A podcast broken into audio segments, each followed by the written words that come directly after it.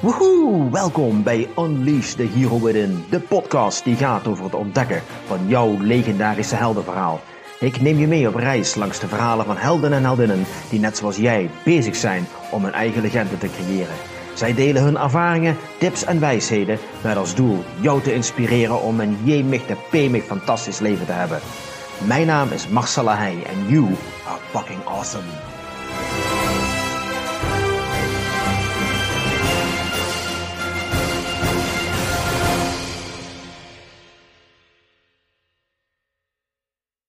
Hallo en welkom bij een nieuwe aflevering van Unleash the Hero Within.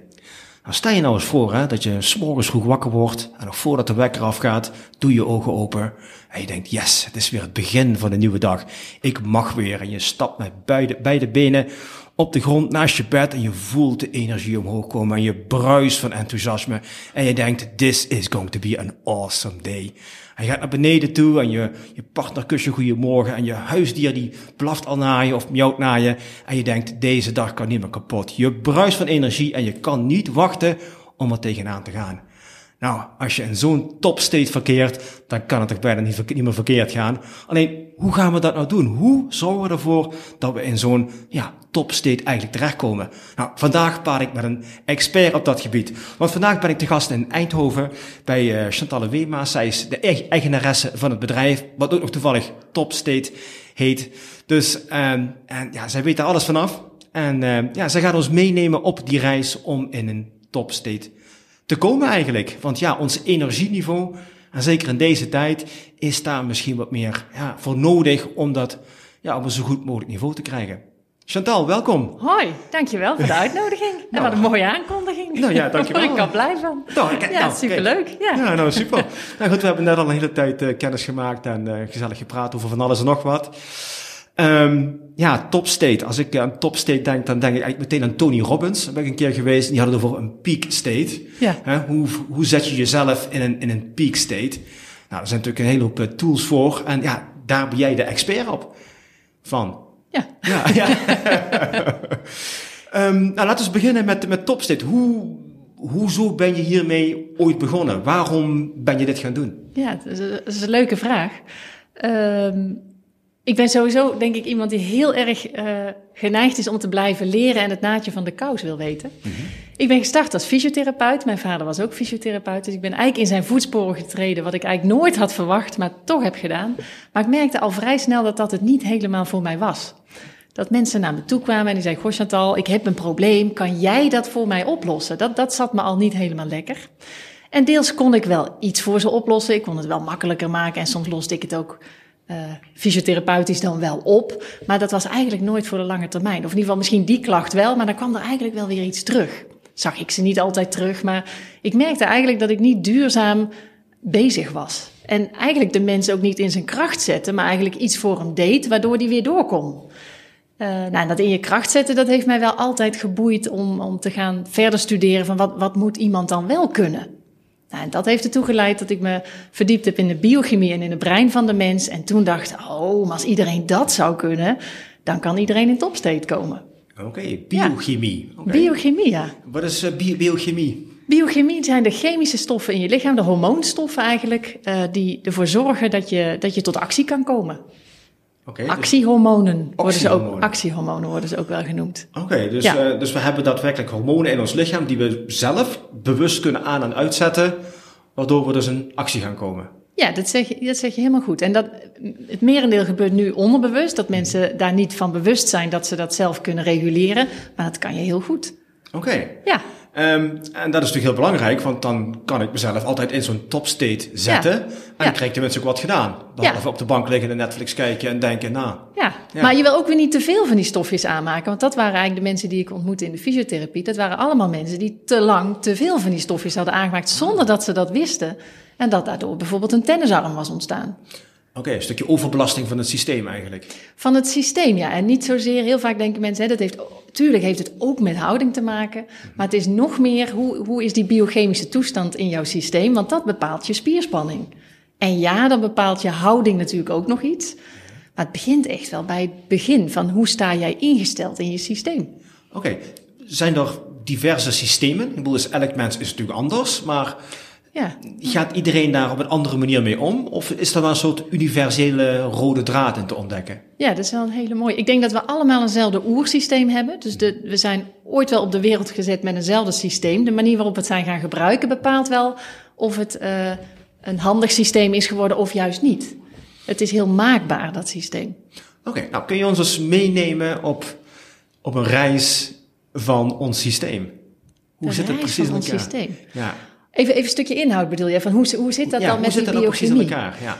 Nou, ik mijn, mijn verhaal begint altijd van, ja, wat is nou eigenlijk stress? En stress zien we als heel negatief, of heel vaak in mijn training vragen van, nou, wat is stress? En zie je druk, of te veel moeten doen, of te veel opdrachten. Stress zien we als iets heel negatiefs, terwijl stress eigenlijk alles is wat we nodig hebben om tot actie te kunnen komen. Als we s ochtends geen stress hebben, kunnen we niet opstaan in ons systeem. Dus die stressprikkels, die wil je heel graag hebben. Het zijn eigenlijk actieprikkels om tot leven te komen, door de dingen te kunnen doen in je leven. En dan gaat er in je lichaam een systeem op aan, die actiehormonen. En dan komen er een aantal, drie, drie in het bijzonder, of drie Jip en Janneke, uh, in het Jip en Janneke verhaal zeg ik dan wel eens, de adrenaline, cortisol en corticotropin release hormoon. Drie, drie komen in de bloedbaan en die gaan hun functies voor jou doen. Waardoor jij dus uit je bed kan komen of waardoor jij dus uh, dit kan doen wat wij nu doen. Oké, dus dat zorgt ervoor dat je in actie komt. Alleen ik kan me voorstellen als je te veel cortisol aanmaakt, te veel stresshormoon, dat dat wel de verkeerde kant kan doorslaan. Ja, en nou, nou maak je eigenlijk meteen de vergissing die ik heel oh. vaak hoor, maar dank je wel daarvoor. We zeggen heel vaak dat cortisol ons stresshormoon is, maar dat zijn ze echt alle drie. Adrenaline nemen we heel vaak in dank af. Dan zeggen we, oh wat fijn, adrenaline, hè? kunnen we lekker ons ding doen, kunnen we goed handelen. Maar daar hebben we net zo goed cortisol voor nodig, maar die krijgt wel een beetje de schuld als het stresshormoon. Maar het zijn zeer zeker alle drie die hormonen die ervoor zorgen dat we in actie kunnen komen. En van alle drie hebben we last als we er te veel van hebben. Oké, maar dat zijn dus drie verschillende hormonen die alle drie hetzelfde doen? Of zit er een onderscheid nee, in? ze hebben alle drie andere taken. Ik zeg, adrenaline uh, pimpt ons op, zeg ik wel eens, om dingen te doen. Spierspanning, cardiovasculaire systeem, energie. Als je zegt, waar komt energie vandaan? Nou, adrenaline maakt het voor ons vrij. Dus we voelen het dan bruisen van de energie. Cortisol doet weer iets meer met de spijsvertering. Immuunsysteem en opbouwsysteem, daar kan die in reguleren. En die zorgt ook voor energie. Oké, maar dan kan ik me voorstellen dat eh, voeding bijvoorbeeld ook een heel belangrijk ingrediënt of een heel belangrijke rol in speelt, of niet? Ja, ik denk als je kijkt naar de, naar de chemische opbouw weer van adrenaline en van cortisol, dan zijn daar weer bouwstenen voor nodig. En daar heb je eigenlijk die voeding weer voor nodig. Oké, okay. ja, het is een som der delen die het compleet maakt eigenlijk. Ja, ja. Oké. dus voeding heeft niet direct invloed op die, op die stoffen en de aanmaak ervan, dan wel de opbouw van die stoffen. Dus ik denk dat voeding is wel een belangrijk onderdeel. Het is een soort brandstof voor die hormonen? Ja, voor de, ja, de aanmaak van je systeem. Oké, ja. oké. nou, nou weten we allemaal dat gezonde voeding, ja, je kunt beter een portie broccoli eten dan een portie bitterballen. Uh, maar in, in hoeverre uh, verhoudt zich dat? Hoe belangrijk is voeding eigenlijk om die drie stofjes goed te kunnen reguleren? Uh, ik denk heel belangrijk. Aan de andere kant ben ik geen voedingsexpert in de zin van dat ik daar alles van weet. Dus dat wil ik ook wel even aangeven. Maar als bouwstenen weet ik wel dat het heel belangrijk is om die stofjes, om die hormoonstoffen aan te maken. uh, wat was het derde stofje wat je ook noemde? Corticotropin release hormoon. En wat doet die dan? Ja, die hebben we nog niet. of het zijn maar een aantal functies die ik even noem, want er zijn er nog zoveel meer te noemen en misschien komen we daar straks nog wel op. Maar corticotropin release hormoon die doet eigenlijk iets weer met je geheugen en je concentratie. Dat je op dat moment dat jij een actie doet ook de juiste focus hebt. En dat is wel iets wat we nu in deze tijd merken, hè, dat het heel lastig is om een focus vast te houden. In de, in de thuiswerktijd. Veel uh, afleiding. Ja, veel afleiding. Dat zijn allemaal stressprikkeltjes die er iedere keer voor zorgen dat die stofjes toenemen.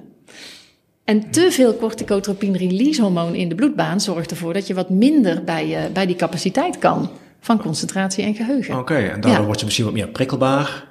Irritatiefactor die wat omhoog gaat. Zeer zeker. Heeft de adrenaline ook weer mee te maken. Dus niet alleen de corticotropin release hormoon. Maar ja. ja. zeker. Omdat we wat strakker staan in, in de spieren ook, zeg maar. Hè? Dus de adrenaline, ja, maar zorgt ook voor korte lontjes.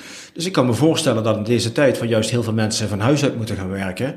En dus misschien vaak ook hè, de gezinsleden om zich heen hebben, wat niet altijd even prettig is. Ja, veel, afleiding. Ja. ja, veel afleiding inderdaad. Ook wat irritatie. Hè, Waardoor de hormoonhuishouding misschien niet zo optimaal werkt als dat ik gewoon op een kantoor zou zitten en ja.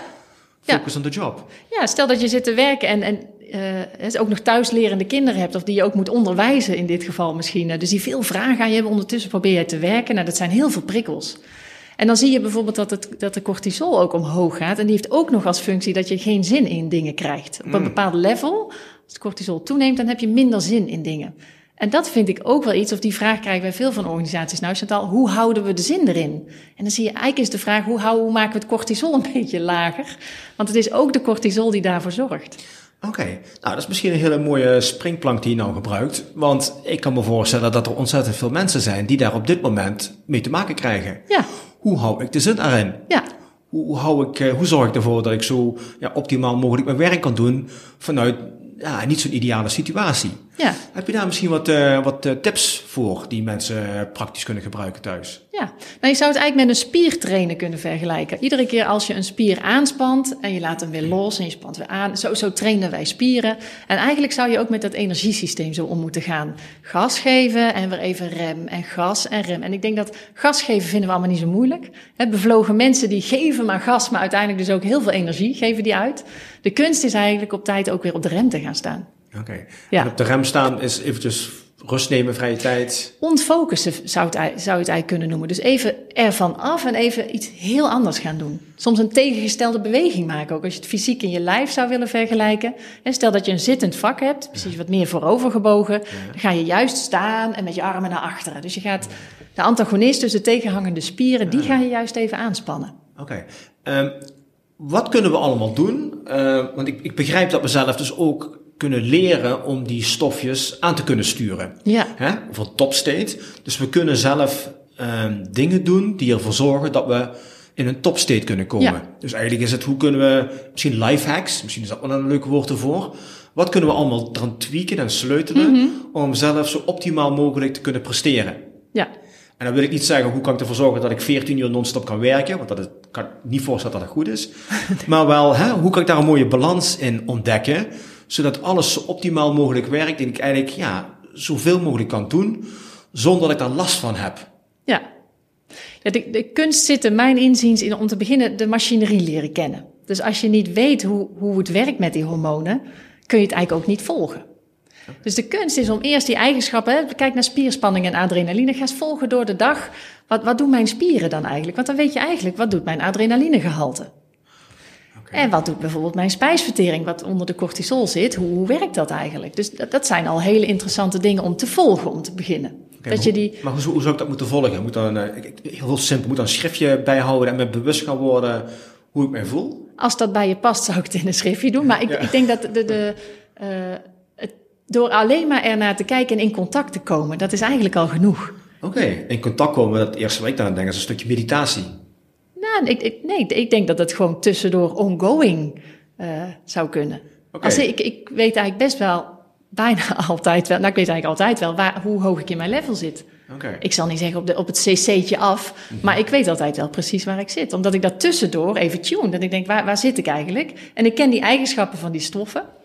Dus ik weet ook dat ik, eh, waar ik zit.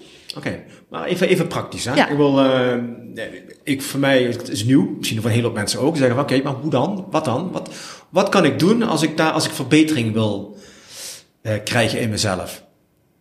Op het moment van thuiswerken bijvoorbeeld, om dat Nou, voorbeeld goed, even goed erbij. in, zijn. Weet je wel? Ja. Ik ben gewoon een mens, ik leef eh, 24 uur per dag. Eh, wat kan ik allemaal doen om, mijn, om mijzelf beter te voelen? Want eigenlijk als ik alles in goede banen kan leiden, dan voel ik mezelf beter. Ja, De bonus is dat ik beter mijn werk kan doen. Dat is, ik, ben, ik ben misschien minder kort lontje, minder geïrriteerd. Ik ben vriendelijker tegen mijn huisgenoten. Ja. Liever voor mijn kinderen, betere partner. Ik wil, hè?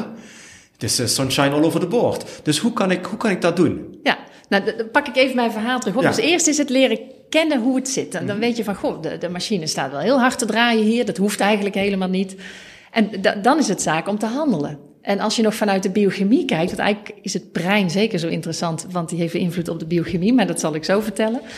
Maar als jij merkt, ik zit hoog in mijn stofjes, ik zit hoog in die actiestoffen, dan zul je vaker moeten ontfocussen. Dan zeg je van, oh, dan moet ik er dus even vanaf. Ook al ben ik lekker aan het werk nu, na ongeveer 25 minuten eh, moet ik toch eventjes ontfocussen. Er even vanaf, vijf minuten knijp ik die breinspons even leeg, kan ik hem daarna weer vullen en begin je weer. Dus de kunst is op tijd voelen, wanneer moet ik weer even op de rem trappen.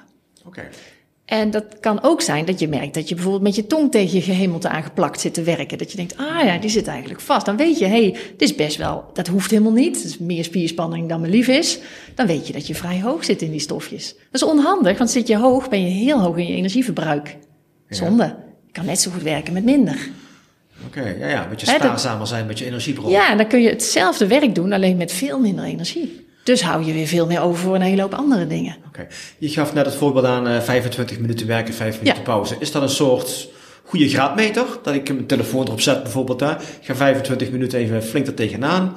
Alarmpje gaat af, eventjes 5 minuten Even een momentje van rust. Ja, het zou een hele, hele praktische kunnen zijn, denk ik. Ah, oké. Ja, ja. Dat is een hele praktische. Ja. En dan vragen mensen ook wel, maar wat moet ik dan in die vijf minuten doen? nou, in ieder geval wat ik er straks al zei, hè, tegengestelde bewegingen maken. Maar bijvoorbeeld naar buiten kijken en, en wolken kijken. Dat, dat, dus eigenlijk kijken zonder dat je er iets mee moet. Dus die zintuigen inzetten, maar zonder doel, zeg ik wel eens. Uh, ja, dat, dat zijn gouden oefeningen om heel snel weer even terug te schakelen in die biochemiestoffen. Mm, Of even staan, een kopje koffie erbij, voelen hoe warm dat is in je hand. Hoe proeft die koffie dan eigenlijk? Allemaal zintuigen waar je niks mee hoeft met die informatie. Maar wel heel zinvol om te zakken in je stofjes. Oké.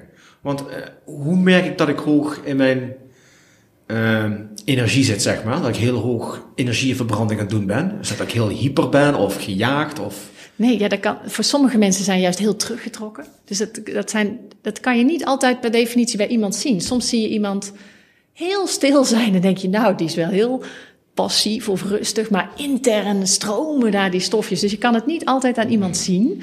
Ik denk, je kunt het wel altijd meten.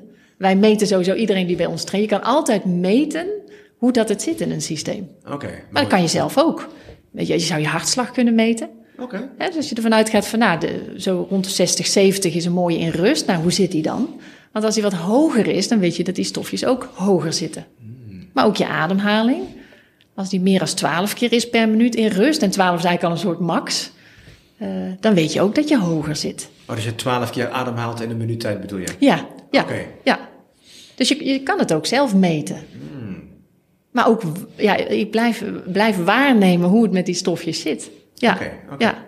Oké, dat, okay, daar kan ik wel iets mee inderdaad. Um, wat, wat, else? Want er zijn natuurlijk veel meer elementen die je kunt uh, toepassen om meer in een topstate te komen eigenlijk. Uh, kun je daar nog wat meer over vertellen? Nou, dit is eigenlijk nog maar de ene helft van het verhaal, dat zijn die stofjes. Oké. En toen ik biochemie gestudeerd had, toen dacht ik, oh, oké, okay. toen ben ik iedereen biochemie gaan trainen, binnen de fysiotherapie nog. Dat ik dacht van, nou, zo'n tennisarm om er maar weer even eentje uit te pakken. Als ik die persoon nou leer dat die stofjes naar beneden zakken, zakt zijn spierspanning, gaat zijn opbouwsysteem omhoog. En zo los je eigenlijk dan die tennisarm op. Dus ik ging eigenlijk niks meer doen met die arm, maar ik ging die persoon leren hoe dat werkt met die stofjes. En toen kwam ik er eigenlijk achter dat er breinprogramma's waren. En bij tennisarmen zijn dat heel vaak de perfectionisten. Perfectionistische breinprogramma's in je hoofd, die elke keer maar weer tegen die biochemie zeggen: doe maar meer stofjes, want we moeten het wel heel goed doen. En dat is eigenlijk uh, uh, de volgende stap voor mij geweest. Van, maar dan moet ik dus ook nog weten hoe, hoe doet dat brein dat dan? En hoe kunnen we dat brein dan uh, een handje helpen, of juist het brein niet een handje helpen door daarmee te stoppen? Hoe kunnen we die breinprogramma's dan uitzetten?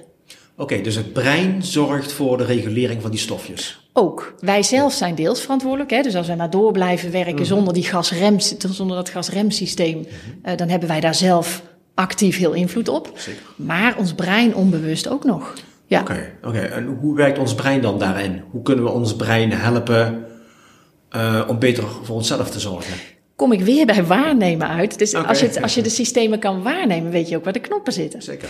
Dus als je gaat waarnemen hoe je brein met jou communiceert en hoe die dat doet, dan, dan, dan, dan weet je het. Dan, uh... En dan is de volgende vraag natuurlijk, hoe doet je brein dat dan? Nou, aan de ene kant kan je heel goed aan je biochemie merken of je brein iets heel, uh, iets heel intens vindt, of heel spannend, of heel, dat het nodig is om meer stofjes aan te maken. Want altijd op zoek gaan naar breinprogramma's, dat laat ik eigenlijk zelfs ook helemaal los. Want soms weet je niet eens waar het vandaan komt, maar weet je wel peentjes. Dus je denkt, nou, als je van tevoren denkt dat je iets gaat doen, een presentatie geven, denk je, joh, ga daar gewoon staan. Maar dan sta je daar, nou, dan krijg je toch heet, dan ga je stotteren en denk je, nou, dat had ik helemaal niet zo bedacht. En dan overvalt het je eigenlijk. Nou, jouw brein denkt er op zo'n moment anders over. Die denkt, poeh, dit is spannend, dit moeten we goed doen, of dit, die vindt daar iets van. En die jaagt die stofjes omhoog, om optimaal te kunnen presteren. Maar soms dus ook net te veel. Dus dan krijg je te veel corticotropin release hormoon. En dan sta je daar met je mond vol tanden en kun je er niet op komen. Als voorbeeld. Oké. Ja. Dus de, de kunst is om dat spel tussen die twee, tussen brein en biochemie, ehm, te lezen, te snappen, waar te nemen, in de gaten te hebben. En een van de kenmerken is, is je biochemie. Oké. De biochemie en je brein. Dat, dat stuk van het brein, dat snap ik nog niet helemaal. Ehm, nou, je zei net biochemie en brein. Het, het, het brein zegt, als iets belangrijk is, tegen die biochemie veel stofjes.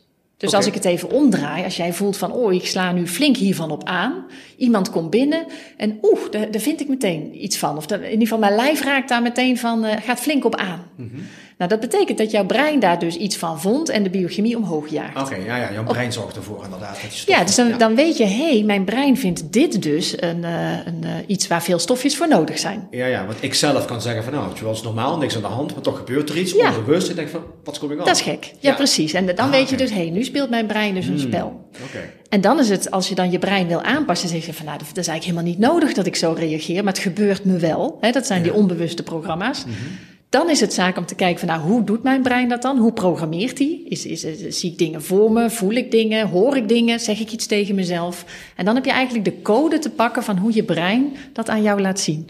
Oké, want jouw brein laat je inderdaad iets zien over jezelf wat je misschien nog niet wist. Ja, ik ga een voorbeeld noemen. Stel dat je. eh, mijn, mijn zoon fietst thuis weg. eh, puber van 14, die is al te laat en die, eh, een beetje, die gaat snel thuis weg. En ik zie dan bij wijze van spreken al dat hij onder een auto ligt. Als, als voorbeeld, hè. Mijn, mijn brein dacht dus, oeh, dit is wel een, een snel afscheid. Of eh, ik weet niet wat mijn brein precies denkt, maar mijn brein vindt er wel iets van dat hij heel snel en haastig vertrekt. Dus dan gebeurt er iets in mij en ik zie het eigenlijk al voor me. Nou, dan weet ik, dan weet ik oh, dit is wat mijn brein dus eigenlijk bedoelt. Oeh, pas op, kijk uit, trek, gebeurt er iets. En is die te snel weggegaan? En is, nou ja, kan van alles verzinnen, allemaal verhaaltjes die ik kan verzinnen. Maar op dat moment laat mijn brein dus iets aan mij zien. Maar misschien voel ik ook wel iets in mijn maag. Dat ik denk, oh, dat is een knoop in mijn maag. Dat zou zomaar ook kunnen. Dus je brein communiceert niet zozeer met, met eh, iets heel letterlijks, met taal. Maar wel met een beeld of met een gevoel of iets wat je tegen jezelf zegt. Of dan zou ik in dit geval, als ik even doorfantaseer, zou ik ook tegen mezelf de zin kunnen zeggen. Oh, zie je nou wel, dit, dit is... ehm, eh, we hebben niet eens eh, goed afscheid genomen. Of zie je nou wel, hierdoor gebeurt er direct iets. Of nou goed, je kunt allerlei zinnen tegen jezelf zeggen. Ja, ja, ja. ja, allerlei verhalen. Ja, ja, zinnen, denk ik. Ja, zinnen, verhalen. Ja, Ja, ja. Ehm, goed, dat merk je dan doordat die stofjes beginnen. Jouw brein vertelt je dan verhalen. Hoe kun je daar dan beter mee omgaan? Nou, dan, dan zou je eigenlijk bij die, die drie talen, maar dat, dat gaat wel heel ver om dat even hier uit te leggen. Want die drie talen, die hebben dan weer coderingen. En als je die bij jezelf weet te achterhalen, dan kan je één deel uit die code halen en dan, eh, dan gebeurt die loop niet meer. Oké. Ja, dan kan hij de volgende keer snel vertrekken en dan heb ik dat beeld helemaal niet meer en zwaai ik hem uit en denk ik eh, tot Oh, vanavond. Wauw. Ja. Dan ga je gewoon jouw verhaal herschrijven wat jouw brein tegen jezelf ja, zegt. en op dat moment maak je ook echt daadwerkelijk een nieuwe breinverbinding. En het mooie is, dat kan je meteen biochemisch voelen als je dat doet. Want op dat moment zakt ook meteen jouw biochemie naar beneden. Maar dat vind ik wel even interessant. Ik bedoel, Ja. oké, ik snap dat wat ingewikkelder in elkaar zit, maar dat is natuurlijk wel interessant. Want op het moment als jij jezelf, als jij bewust bent van wat er aan het gebeuren is, eh, ja, goed, vaak een beetje even geen raad, wat moet ik hier nou mee doen? Ja, in een van het doemscenario, zoals jij dat mm schetste, eh, begint parten te spelen, gaat meteen allemaal vertakkingen krijgen, dus het wordt nog veel erger allemaal waarschijnlijk in je hoofd. Eh, maar je zegt, er is een soort code in jezelf die je kunt ontdekken. En als je die gaat toepassen, dan kun je dat meteen herschrijven eigenlijk. Zodat Ja. in de toekomst niet meer gebeurt. Ja. Nou, stel bijvoorbeeld iemand die eh, regelmatig op een podium moet staan, die altijd daar een soort angst bij voelt. Ja. Hij doet zich fantastisch voorbereid. denkt van, gaat me deze keer niet gebeuren. Hij klimt het podium op, boom. Zijn brein gaat er meteen hij even door. Ja, Ja, nou, dat vind ik wel een mooi voorbeeld. Ja. Hoe- vertel eens. ja dat, dat zijn hele interessante, onhandige breinpaden. Ja, precies. En die doet hij op het moment dat hij op dat podium staat. Want van tevoren zeg ik, nou, ben ik goed voorbereid. Hè, dus rationeel denk je, oh, daar, daar red ik wel, bewust. Maar dan hebben we nog die 95% onderbewust... die daar misschien op dat podium heel anders over nadenkt. Kun je twee dingen doen. Je kan hem biochemisch insteken. Want als je je biochemie wat rustiger weet te brengen... of wat naar beneden haalt met, eh, met technieken... dat betekent dat je brein ook rustiger wordt. Dus gaat je brein daar minder aandacht aan geven. Oké. Maar aan de andere kant is het daarmee niet duurzaam opgelost... maar op dat moment kun jij je Nou misschien prima redden. Ja. Aan de andere, ik ben dus veel meer voor de duurzame oplossing. Dat als je daar staat, dat je gaat kijken van, nou, voel ik iets? Uh, zie ik iets voor me of zeg ik iets tegen mezelf? En dan kijk je naar de codering en daar haal je het eentje of het nulletje uit. En dat doe je ter plekke op het podium. Oké, maar hoe bedoel je een je kijkt naar de codering en dan haal je een eentje of een nulletje uit. Nou, stel dat je naar het, naar het, naar het gevoel zou kijken, dan zou een deel van de codering is, waar, waar zit dat gevoel dan? Dan zeg je van, nou, dit, dit voel ik echt uh, in mijn uh, maag, ik noem maar even iets. Mm -hmm. Of dat grijpt me naar de strot. Of uh, ja. daar hebben we ook al die mooie spreekwoorden van. Mm -hmm. Maar eigenlijk spreken we, dat is de breintaal. Dat is waarop jouw brein een gevoel geeft wat daarbij hoort. Okay. En als je dat gevoel op dat moment dat het geactiveerd is ook aanpast. Dus dat je zegt van, nou, dat gevoel verplaats ik. Op dat moment heb je een nieuwe breinverbinding aangelegd. Oké, okay, dus concreet sta je voor je staat op het podium weer inderdaad. Je voelt inderdaad in je maag iets en je bent je daar bewust van op dat moment.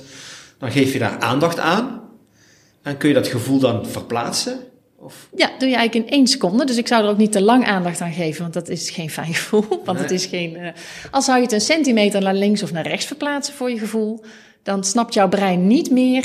Die heeft het eigenlijk anders onthouden. Want die zegt: Ik onthoud dit bange gevoel, ja. onthoud ik op die plek. Aha. Dat is de taal van je brein. Oké, okay. als je het gevoel kunt verplaatsen eigenlijk, dan is dat brein een beetje... In de war. In de war, precies. En dat is echt het toverwoord in je brein. Je brein in de war brengen. Mm. Ja, en dan okay. gaat hij herschrijven. Ja. ja, ja. daar heb ik wel eens van, uh, van gelezen inderdaad. Oh, dat is wel interessant. Uh, zijn er nog meer manieren om dat verhaal eigenlijk te herschrijven?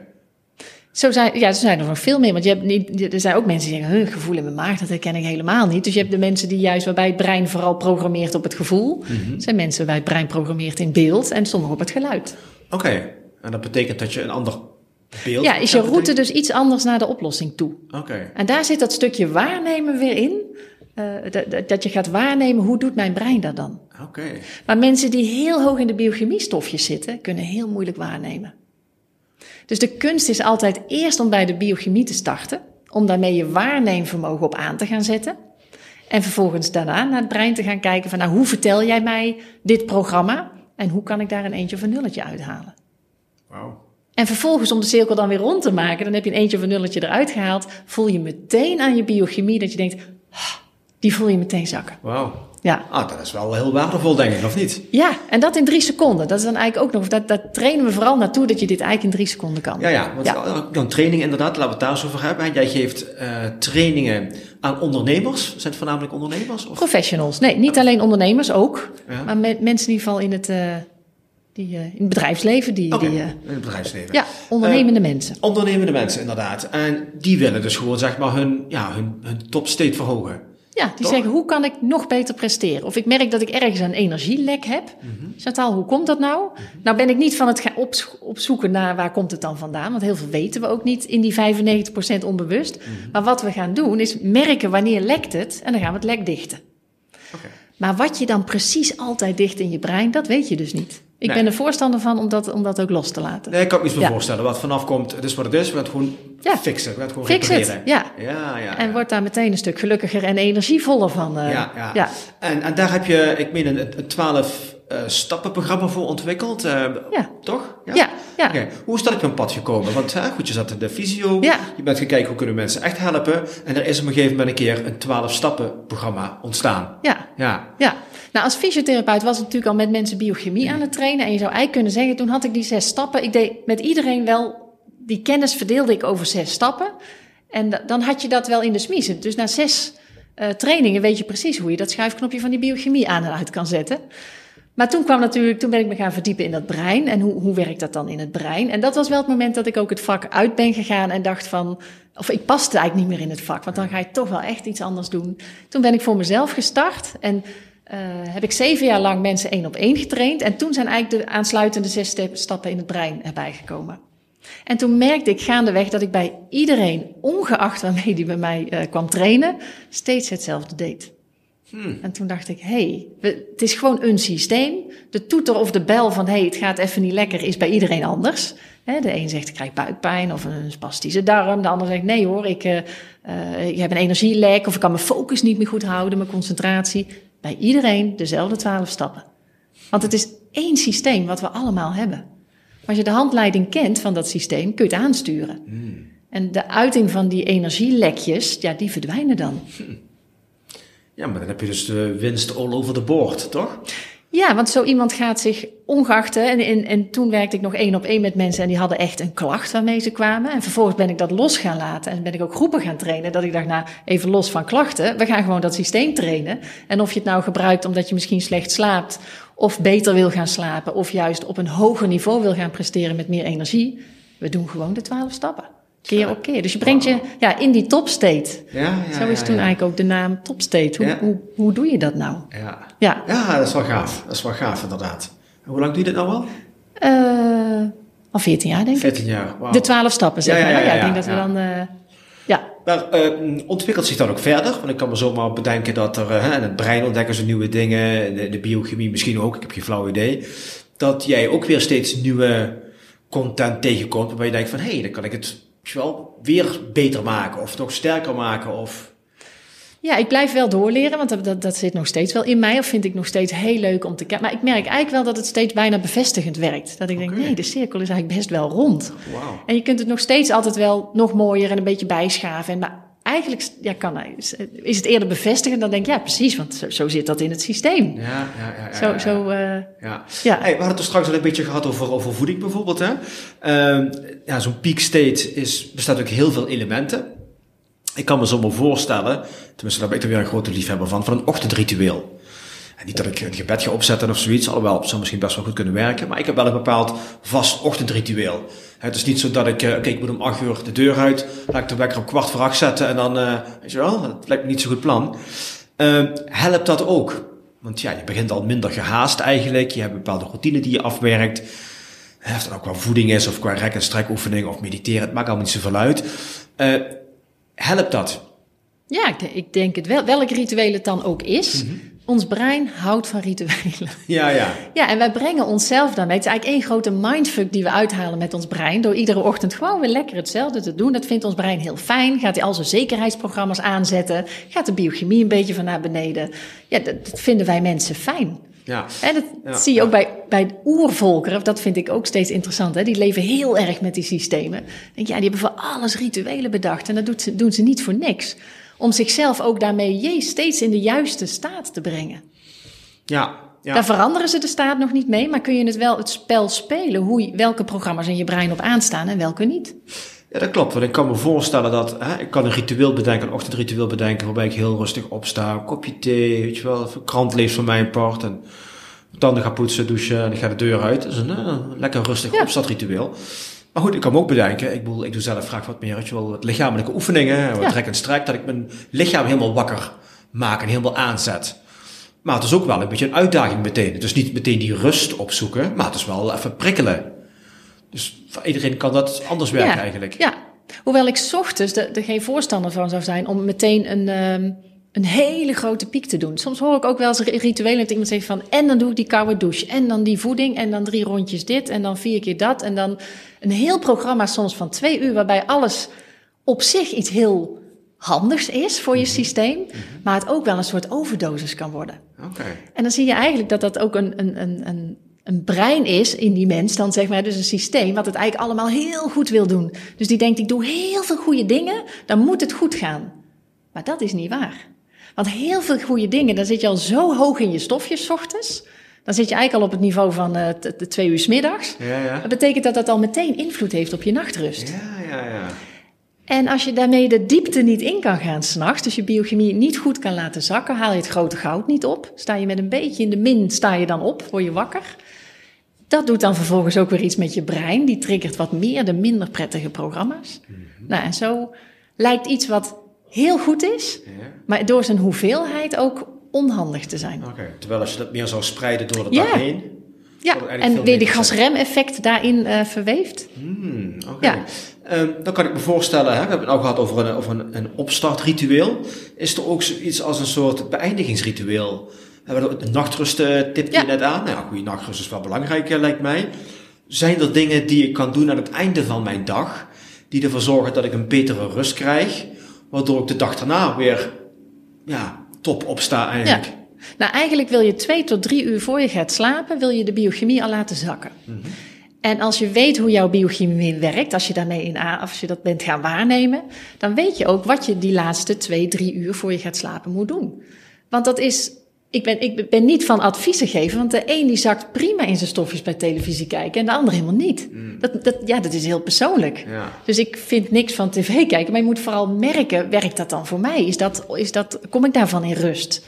Zakken mijn stofjes daarvan naar beneden? En dat is dus heel persoonlijk. Ja, oké. dus, dus Maar ook, eh, ja, de zakken in stofjes, lichten een beetje dimmen, alsof het zonnetje ondergaat. Hè? Ja, dat werkt ja. dan ook wel weer goed voor de melatonines eh, in Ja. het systeem. Ja. Eh, maar vooral wat, wat opslomende activiteiten. Ja, ja. Ook een beetje prikkels een beetje naar de achtergrond krijgen.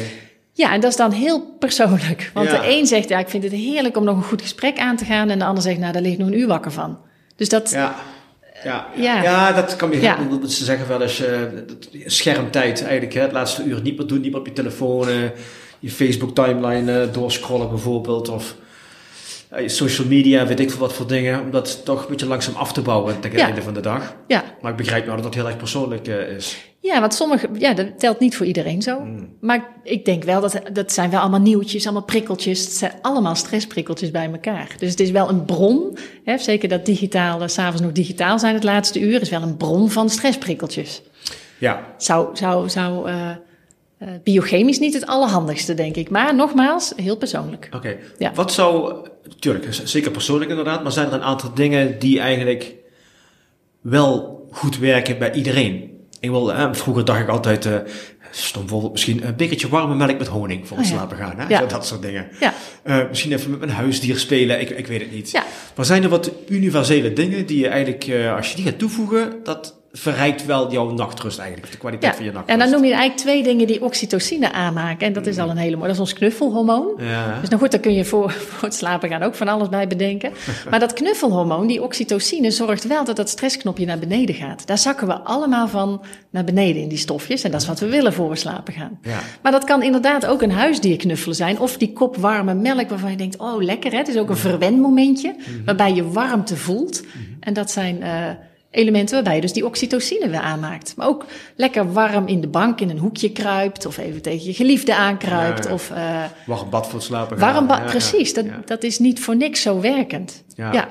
Eh, oxytocine is een beetje het gelukshormoon, zei je, hè? Van, oh, lekker. Ja, het knuffelhormoon Het noemen ze dat. knuffelhormoon. Ja, het, eh, contacthormoon eigenlijk. Oké, een stukje menselijke verbinding?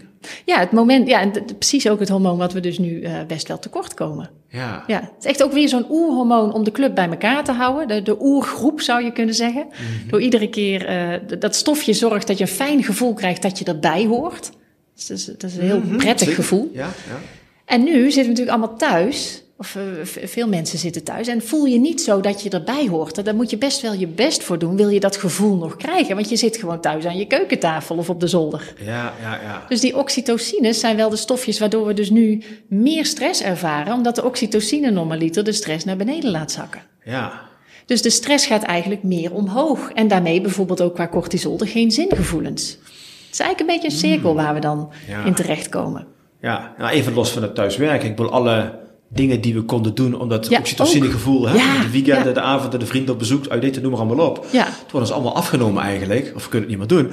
En ja, ik kan me voorstellen dat voor heel veel mensen pijnlijk is. Zeker als je gewoon alles volgens de letter van de wet wilt navolgen. Ja. Ja, maar goed, ik kan me ook voorstellen dat er eh, een hele hoop eh, van die oxytocine filmpjes op YouTube te, film, eh, te, te vinden zijn. Hè, waar we allemaal een traantje bij moeten wegpinken. Ja. Dat het misschien best wel zou werken om die dingen te gaan kijken aan het einde van de dag.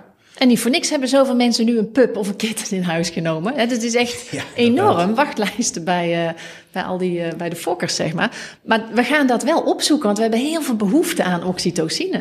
Ja, nou, ik heb een keer een onderzoek gelezen en ik... eh, in, Amerika was dat in, ik meen, in de jaren 40 of 50, ik weet niet precies. En dat was een dokter, die had een onderzoek gedaan met baby's. Die zei, we pakken twee, twee partijen baby's. Eentje doen we perfect verzorgen. Ja. Dus die krijgen alle liefde, aandacht, eten, drinken, wat ze maar willen. Alle menselijk contact. En één groep baby's krijgt alleen maar eten en drinken. Wordt niet Ja. aangeraakt, geen menselijk contact. Die gingen gewoon Gingen dood. dood, hè? Die gingen Ja, dood, inderdaad. Ja, Dus ja, in hoeverre speelt dat nog steeds voor ons mensen op dit moment in ons leven? nog steeds, denk ik. Lijkt mij ook. Ja, Want hoe ver, of ja, hoe gaan wij dood van binnen als wij dat niet meer kunnen krijgen? Ik bedoel, we zien allemaal wel de schrijnende verhalen op dit moment.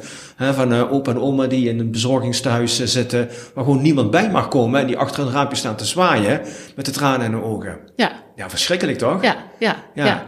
En fysiologisch en biochemisch dus echt heftig ook. En daar staan we niet bij stil. Het is niet alleen iets dat we in ons brein vervelend vinden, maar ons lijf heeft gewoon ook bepaalde elementen in het leven nodig, als een knuffel of als aanraking of als een compliment. Hè. Daar maak je ook oxytocine van aan. Ehm, dat hebben we gewoon nodig binnen die systemen. Ja, dat is toch wel interessant, hè? want we leven nu in een tijd waar dit natuurlijk allemaal speelt, even los Ja. van hè, het virus, et cetera. Maar dit is natuurlijk wel een, ja, een, een, een- bijwerking, een bijproduct van alle maatregelen die we doen. Ik, wil, ik heb geen flauw idee hoe lang we het kunnen volhouden zonder dat soort stofjes aan te maken. Maar En ja, laten we zeggen dat het nu heel mager is. Want we verzinnen allemaal wel op kleine schaal nog steeds dat, dat we eraan toekomen. Hè? Dus als je s'avonds gaat wandelen, of ik ook met een vriendin, zie ik zoveel mensen wandelen ineens in setjes. Ja. En in, eh, dus we zoeken wel een soort eh, mini-versietjes. Ja. Maar we missen wel eh, de grote klappers daarin natuurlijk nu. ja, en ja, dat samen zijn met veel mensen, hè, groepen samen zijn, daar zijn we gewoon voor gemaakt. ja, absoluut. Ja. Ja. We leefden altijd in stammen hè, vroeger. Ja, Ja, ja, ja, ja, ja, ja. Behalve degene, en dat vind ik ook wel mooi in contrast, degene die eh, in hun breinprogramma iets hebben zitten van samen zijn is ook heel spannend, die varen er nu wel bij. Is dat zo, ja? Ja. Ik ken, ken ook een aantal mensen die nee, ik bruis van de energie. Ik vind het juist heel fijn. En ik denk straks als we weer terug naar het werk gaan, in welke vorm dan ook, dan is het voor die mensen heel moeilijk. Want dat brein hoeft nu niet op aan te slaan op samen zijn met mensen. Waar dan iets, een onhandige verbinding in zit. Nee, want dat, dat, dat, wordt, dat wordt niet geraakt nu. Je bent lekker thuis, kan gewoon lekker je ding doen. Hmm, ja. Nee, dus er is ook een groep die er, die er heel erg wel bij vaart. Ja, ja, Ja. ik kan me er iets bij voorstellen inderdaad. Ik, bedoel, ik vind het prima om af en toe lekker alleen te zijn. Ja. Maar goed, dat hoeft niet tot het einde der tijden mee Nee, te ik hoor ook bij die groep, maar Ja. dat- ik, ik ken ook mensen die, die zeggen van, oh nee, voor mij mag het altijd zo blijven, laat mij maar lekker thuis werken. Ik hoef geen contact met mijn collega's, ik vind het prima zo. Ja, voor het Ja. werk, oké, daar kan ik me nog iets bij voorstellen inderdaad. Maar al het andere daaromheen, ik wil... Ja. Hè, stel je voor, we kunnen nooit meer gaan uitdaten of nooit meer naar een café of nooit meer naar... Ja, ik er niet aan denken eigenlijk. Nee. hè? Dus wat dat betreft... Hè. Nee. Maar merk je nou wel dat dat... ehm, merk je een verandering in jouw business op dit moment, nu dit allemaal speelt? Omdat het natuurlijk best wel veel nadelige gevolgen heeft eigenlijk, hè? Ja, Eh, merk je daar iets van? Krijg je meer aanvragen of zo? Is er meer behoefte? ja meer, meer zorgvragen zou ik bijna willen zeggen van organisaties. eh, die de steeds de vraag stellen van hoe houden we mensen nou energiek en eh, enthousiast? Want we merken dat de puff er zo uit is. Ja, en als je dat biochemisch en breintechnisch gaat bekijken, zitten we ook in, in een vaarwater waarbij de puff er ook echt gemakkelijk uitraakt. Heb je misschien eh, een tips daarvoor? Want ik denk nogmaals, er zijn natuurlijk ontzettend veel mensen die van huis uit werken. En die dat ook missen. Ja, Wat zouden die mensen kunnen doen? En of dat met hun collega's is, weet ik niet. Maar wat zouden die mensen kunnen doen om zich toch wat, ja, wat beter te voelen eigenlijk? Ja, ik, ik denk een hele mooie mindfuck uithalen met je brein. En dat is eh, jezelf in, in de werkstaat brengen. En dat, dat doe je door. Heel veel mensen gaan naar hun werk in bepaalde kleding. En nu ze thuis zitten, doen ze dat niet. Dan zitten ze in hun joggingbroek en pantoffels. Ik, ik eh, chargeer het misschien een beetje. Of ook niet opgemaakt. eh, laat zei een vriendin van me van ja, dan was ik mijn haar ook niet iedere dag hoor. Dat maakt dan allemaal niet uit. Of dat, eh, Maar eigenlijk zou je dat wel moeten doen. Om je brein gewoon te foppen. Van hé, hey, ik ga nu in mijn werkstandje. Dan haalt hij ook de werkprogramma's er voor jou bij. Hè, de breinprogramma's. En kom jij in dat standje met, met, met de hoeveelheid energie die daarvoor nodig is. En, eh, en zo haal je eigenlijk die mindfuck uit. Maar voel je ook een stukje verbondenheid. Want dat was daar eerst ook. Dat hoorde er ook bij. Ja, Dus door die mindfuck uit te halen, maar het kan ook zijn dat je toch met iemand eh, gaat lunchwandelen. Kan ook online. Dus ga zoveel mogelijk nabootsen wat toen ook was, want daar maak je gewoon ook de stofjes op aan. Ook al is het niet reëel, je kunt één grote mindfuck met je brein uithalen. ja, Als je brein maar denkt dat het zo is, faciliteert hij alles voor je. ja dat, dat, dat geloof ik wel inderdaad. Ja. Ik heb dat wel eens een keer voor een TED-talk over gezien van Amy Cuddy of zo geloof ik. Ja, met die houding bijvoorbeeld. Ja, ja, ja, ja, ja, ja, ja, ja. ja. Dus als je een houding nog maar faked, dan denkt je brein, hé, hey, Ja. eh, da- daar hoort dus dit programma bij. Oké, en die haalt het dan naar voren. Ja, ja, en die stofjes gaan vanzelf stromen. Ja, fake it till you become it. Ja, Ja, precies. ja, ja, ja, ja. Ja. Ik heb dat een keer gelezen als een superhelden pose. Ik wel handen Ja. in je zij en borst vooruit. Ja, en- precies. Dan wat geluid Ja. erbij. Ja. ja, dan denkt jouw brein, hé, hey, we hebben succes. En die haalt succesprogramma's erbij. Ja, die wil je wel op je Ja. geactiveerd hebben. ja, dat vind ik wel een goede inderdaad, ja. ja. Maar dat kan je aan schoenen denken. Je hoeft niet meteen helemaal eh, in vol ornaat dan thuis te zitten werken. Maar je kunt aan, je, aan, aan schoenen aan en uitdoen. Eh, kijken naar wat je eet. Hè. Sommige mensen zeggen ja, ik zet koffie in een thermoskan. Uh, dat doe ik omdat ik dan niet steeds afgeleid word om ook mijn, om steeds weer te wisselen van, oh, ik ben toch thuis, oh, dan kan ik toch dat wasje even erin doen. En dan die zeggen, nee, ik, ik, ik zettel me en ik, uh, ik, doe de, ik heb, zet dan toch even koffie in mijn thermoskan, net als op mijn werk. Ja, en dat klinkt misschien heel flauw, maar het is natuurlijk een super, uh, super actie voor je brein om jou toch in de juiste staat te brengen. Ja, ja, precies. Wat je ja. van, net boot zoveel mogelijk na zoals je het werk ook zou doen, inderdaad. Ja. Een mooie foto van je collega's erbij. ja. foto van je collega's. Ja, ja, jij lacht, maar ik, ik denk dat het voor de oxytocine, zeker als je in een heel leuk team zit, wat allemaal thuis zit, ik denk dat het fantastisch werkt. Ja, ja, ja. Je opent de dag, hè, de hups, en dan zie je al die collega's denken, oh, voor dat samengevoel, het oxytocine, is het denk ik heel wezenlijk om dat wel te doen. Ja, ja, ja. Ja, ja dat is een goed point. Ik kan me er iets bij voorstellen, inderdaad. Ja, ja, ja. ja. Um, je hebt pas een keer, uh, die vond ik best wel interessant, uh, je hebt pas een keer een blog geschreven, waar uh, tips om je irritatie omlaag te oh, krijgen. Ja. ja. ja. die vond ik wel leuk. En nou goed, ik zie er ook genoeg dingetjes om me heen gebeuren. Ik zie bij mezelf ook wel af en toe dat ik toch een iets korter lontje heb dat ik ja. hoor te hebben. Uh, dus wat zijn dingen die ik kan doen om mijn ja, irritatie omlaag te krijgen? Ja, nou in die blog laat ik eigenlijk die samenwerking, of dat was mijn doel in ieder geval, laat ik zien tussen biochemie en brein. Als je biochemie hoog zit, dus je zit hoger in je stofjes, dan gaat je brein zijn, je zou het zijn irritatieprogramma's kunnen noemen, die gaat hij meer activeren. Maar ook de angstprogramma's, de, eigenlijk alle niet-fijn programma's, de beschermingsprogramma's, die zijn altijd hoger als de biochemie ook hoog is. Nou, een breinprogramma verander je niet 1, 2, 3. Daar moet je de taal al voor kennen in je brein. Maar wat je wel altijd kan doen, is je biochemie aanpassen. Dus die zintuigen bijvoorbeeld inzetten, wolkjes kijken, zintuigen zonder doel inzetten. Dat vind ik zelf echt een, een gouden oefening. En de een zegt dat vind ik in meditatie. De ander zegt die vindt dat, vindt dat ik in mindfulness, daar vind ik het. En de ander zegt van nou ik ga naar mijn duiven kijken die ik fok. Het kan van alles zijn. Als je maar zintuigen inzet zonder doel. Daar gaat je systeem over van de orthosympathicus meer naar de parasympathicus en zakken de stofjes naar beneden. Oké, okay. ja, die vind ik als zintuigen inzetten zonder doel. Ja, dat, dat Observeren eigenlijk. Ja, en dan heb je vijf zintuigen. Dus, en, en kies vooral degene uit waar het bij jou het snelste mee lukt. Ja, misschien muziek luisteren of zo inderdaad. Ja, ja, ja. ja, ja, naar buiten gaan, maakt niet zoveel uit inderdaad. En als je dat laat zakken daarmee, je stofjes. En ik denk dat slapen ook een hele wezenlijke is. Dat laten we nou nog een beetje links liggen. Maar slapen is ongelooflijk belangrijk om die stofjes in een bepaald ritme en regelmaat uh, te hebben. En ook laag te houden. Dat zorgt ook voor, voor beduidend minder van die dure programma's als prikkelbaarheid en angst. En ik noem ze even duur, omdat ze dus ook heel veel stroom vragen van onze biochemie. Oké. Ja, goede nachtrust. Uh, ik heb ook wel eens gelezen dat er ontzettend veel mensen zijn die geen ja, goede nachtrust hebben. En dat is natuurlijk voor iedereen wat anders. Ja. sommigen hebben voldoende naar vijf uur en de ander heeft er minimaal acht nodig. Uh, maar ik kan me voorstellen, ja, het belang van een goede nachtrust, uh, ja, ja, en ook, ja, of, of mensen bestaan die er vijf nodig hebben, dat geloof ik eigenlijk niet. Want? nee, ik denk dat we allemaal zeven tot negen uur slaap nodig hebben. En 1% van de wereldbevolking, die, die heeft een gen waarbij ze minder slaap nodig hebben. Oh, is dat zo, ja? Dat, ja. Ah, ja. Dus we zeggen dat wel, maar dat zijn eigenlijk de mensen, de adrenaline-junkies noem ik dat wel eens. Die worden inderdaad wakker en voelen dat de dag begint, want het adrenaline-niveau zit al lekker hoog. Okay. Maar dat is ook niet echt gezakt in die nacht. Dus die hebben wel dat gevoel van, hé, hey, daar ben ik weer. Zo voelt het ook, maar het is, het, is niet iets wat je heel lang volhoudt. Oké. En dan denk ik aan jaren. Oké, dus echt die 7 eh, tot 9 uur eh, slaap is toch echt wel wat we eigenlijk allemaal nodig hebben? Ja, ja. En dan heb je het over de, de kwantiteit, hè, de hoeveelheid 7 tot 9 uur. Maar eigenlijk wil je dan ook nog een bepaalde diepte bereiken in die 7 tot 9 uur. Want er zijn ook mensen die zeggen, nou ik slaap wel, maar die slapen heel licht. Oké. Dan haal je eigenlijk ook het grote goud, noem ik dat wel eens. In die diepte kan je daar eigenlijk niet ophalen. Wanneer weet je of je dat goud opgehaald hebt? Ja, als je opstaat met, met een volle bak energie. En dat voel je.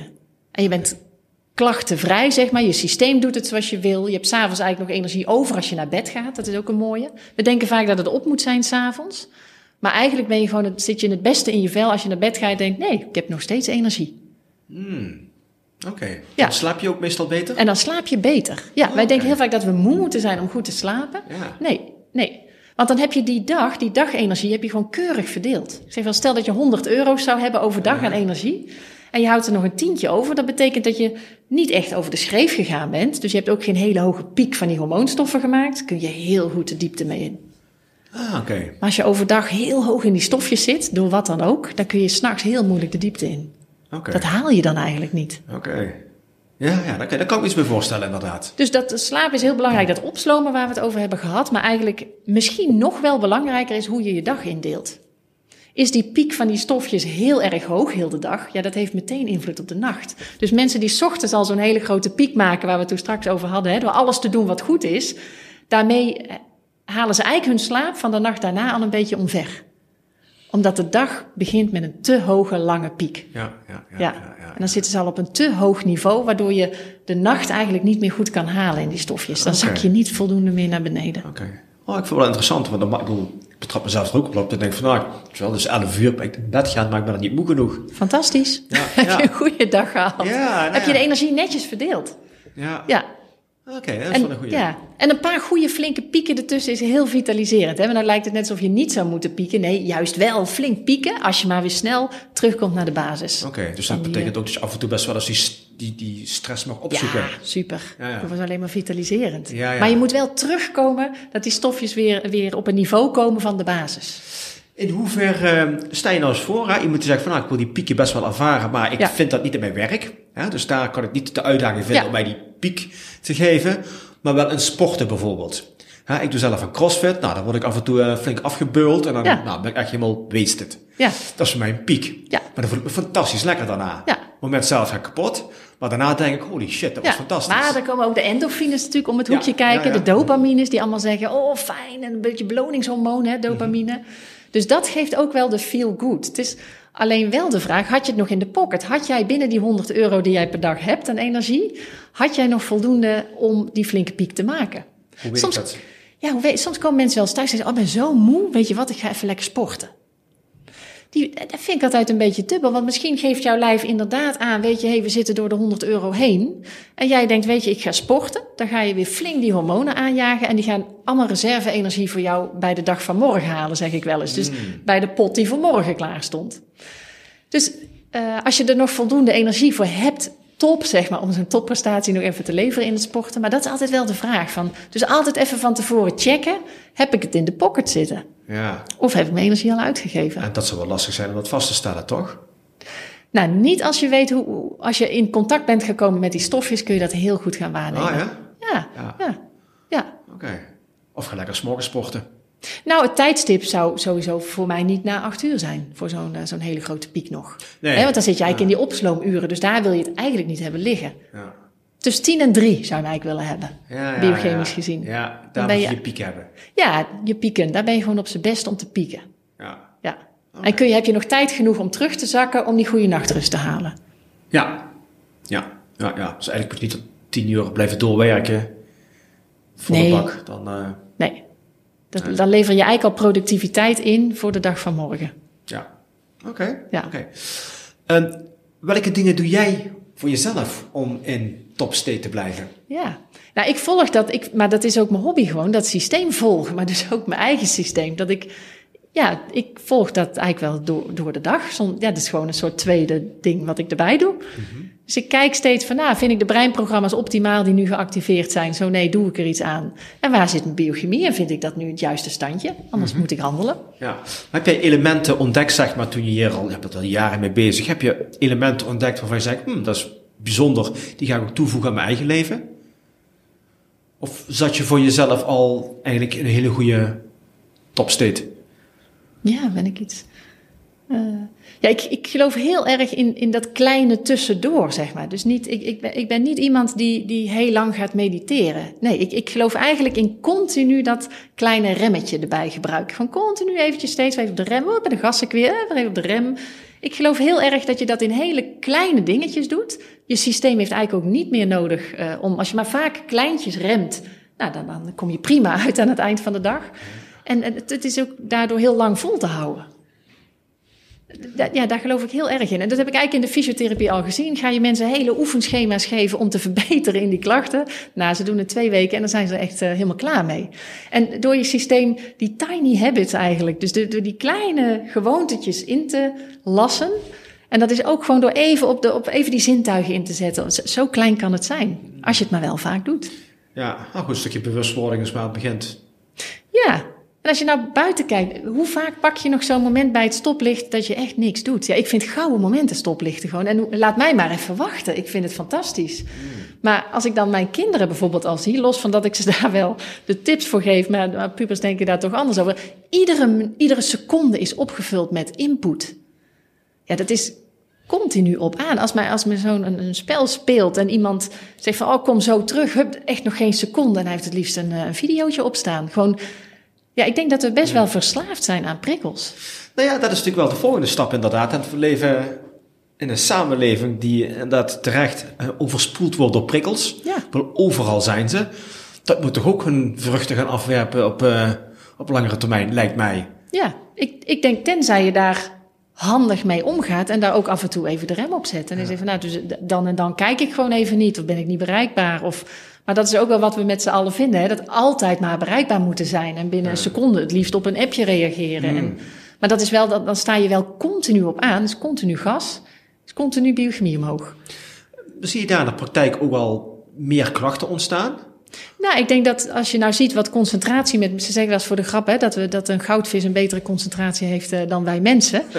uh, ik denk dat dat wel. Of dat ook daadwerkelijk zo is met die goudvis, dat weet ik niet. Maar ik denk wel dat onze concentratie en focus niet heel sterk meer is. Okay. Voor velen. En ik denk echt dat dat afhangt omdat je continu geprikkeld wordt. En die corticotropin release hormoon speelt daar een rol in. En die laat dat systeem niet optimaal meer functioneren daardoor. Oké, okay, maar dat betekent dat we eigenlijk veel meer in een soort topstate, peakstate leven.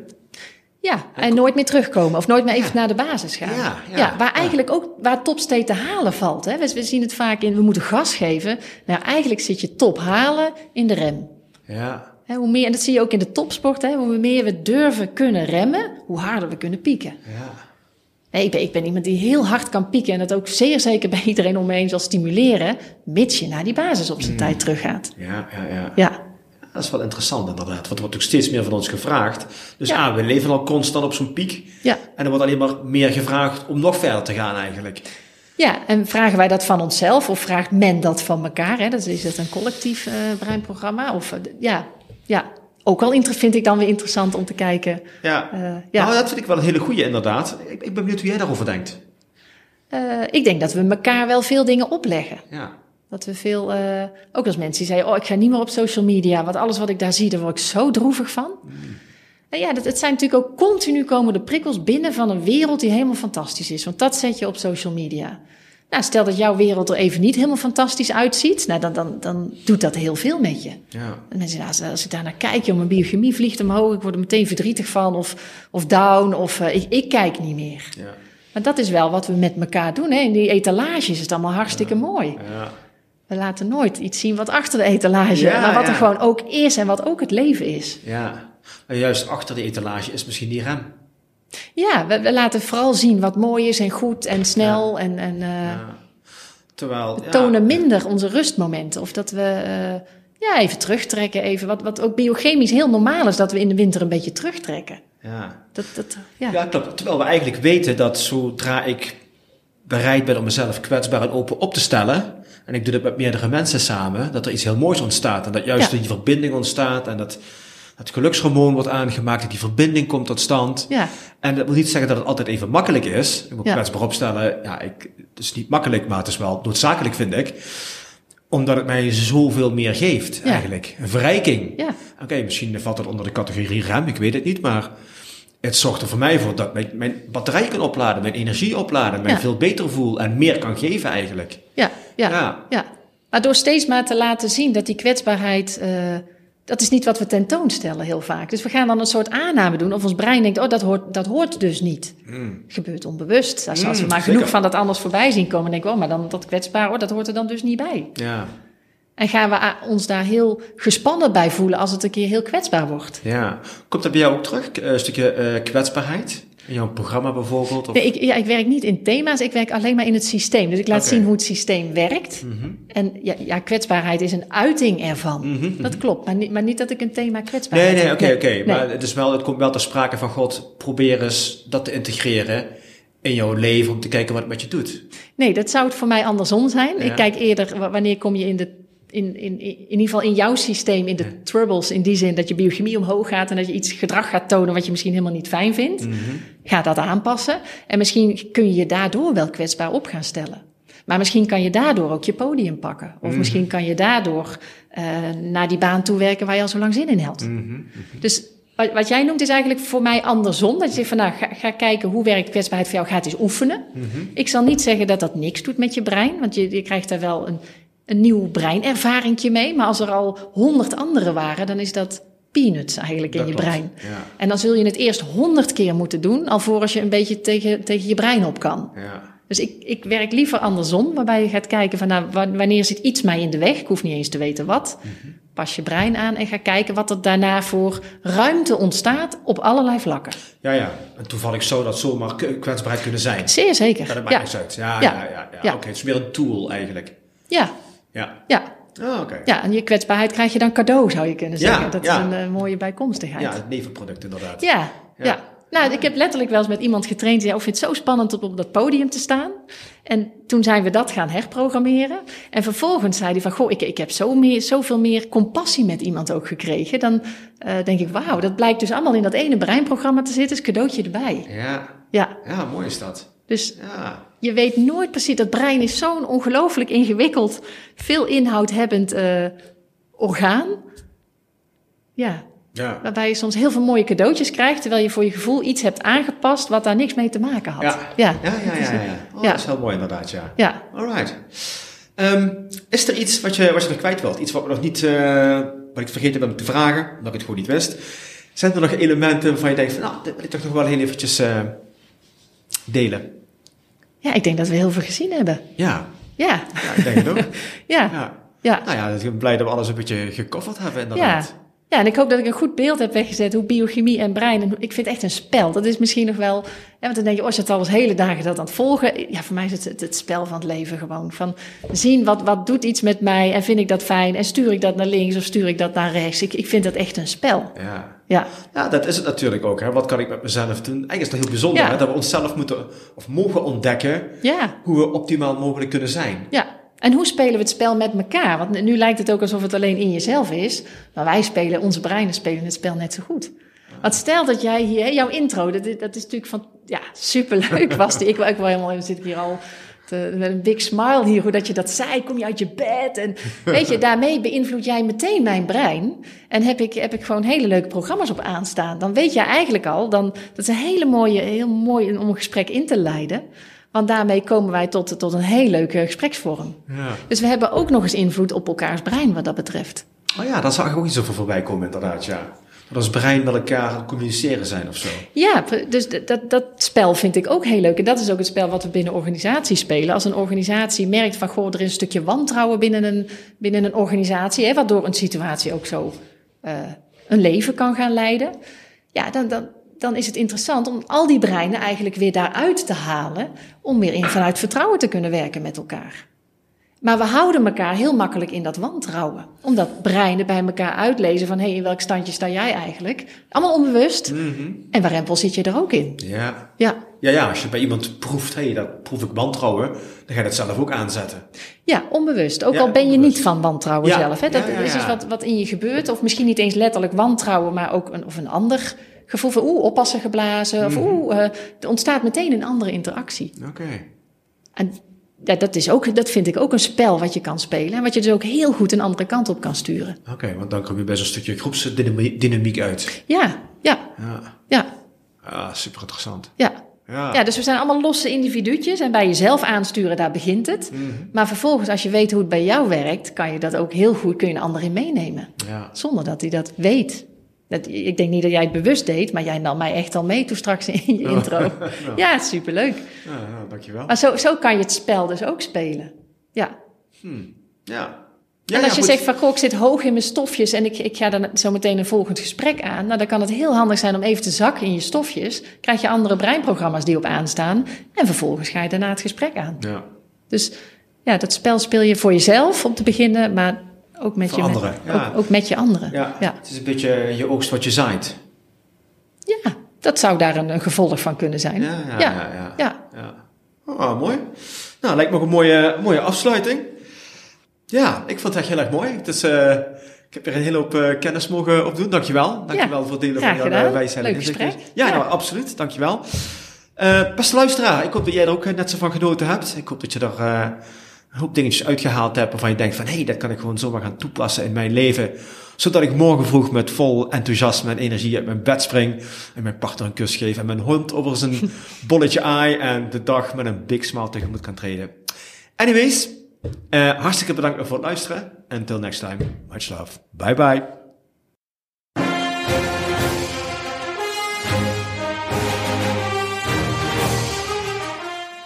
Ik hoop dat je net zoals mij weer hebt genoten van de mooie verhalen van mijn gast en er hopelijk iets aan hebt gehad. Wil je meer inspirerende goodies ontvangen over hoe jij een fucking awesome legendarisch leven kunt hebben? Ga dan naar mijn website unleashtheherowithin.nl en meld je vandaag nog aan. Thanks for listening and until next time, stay awesome.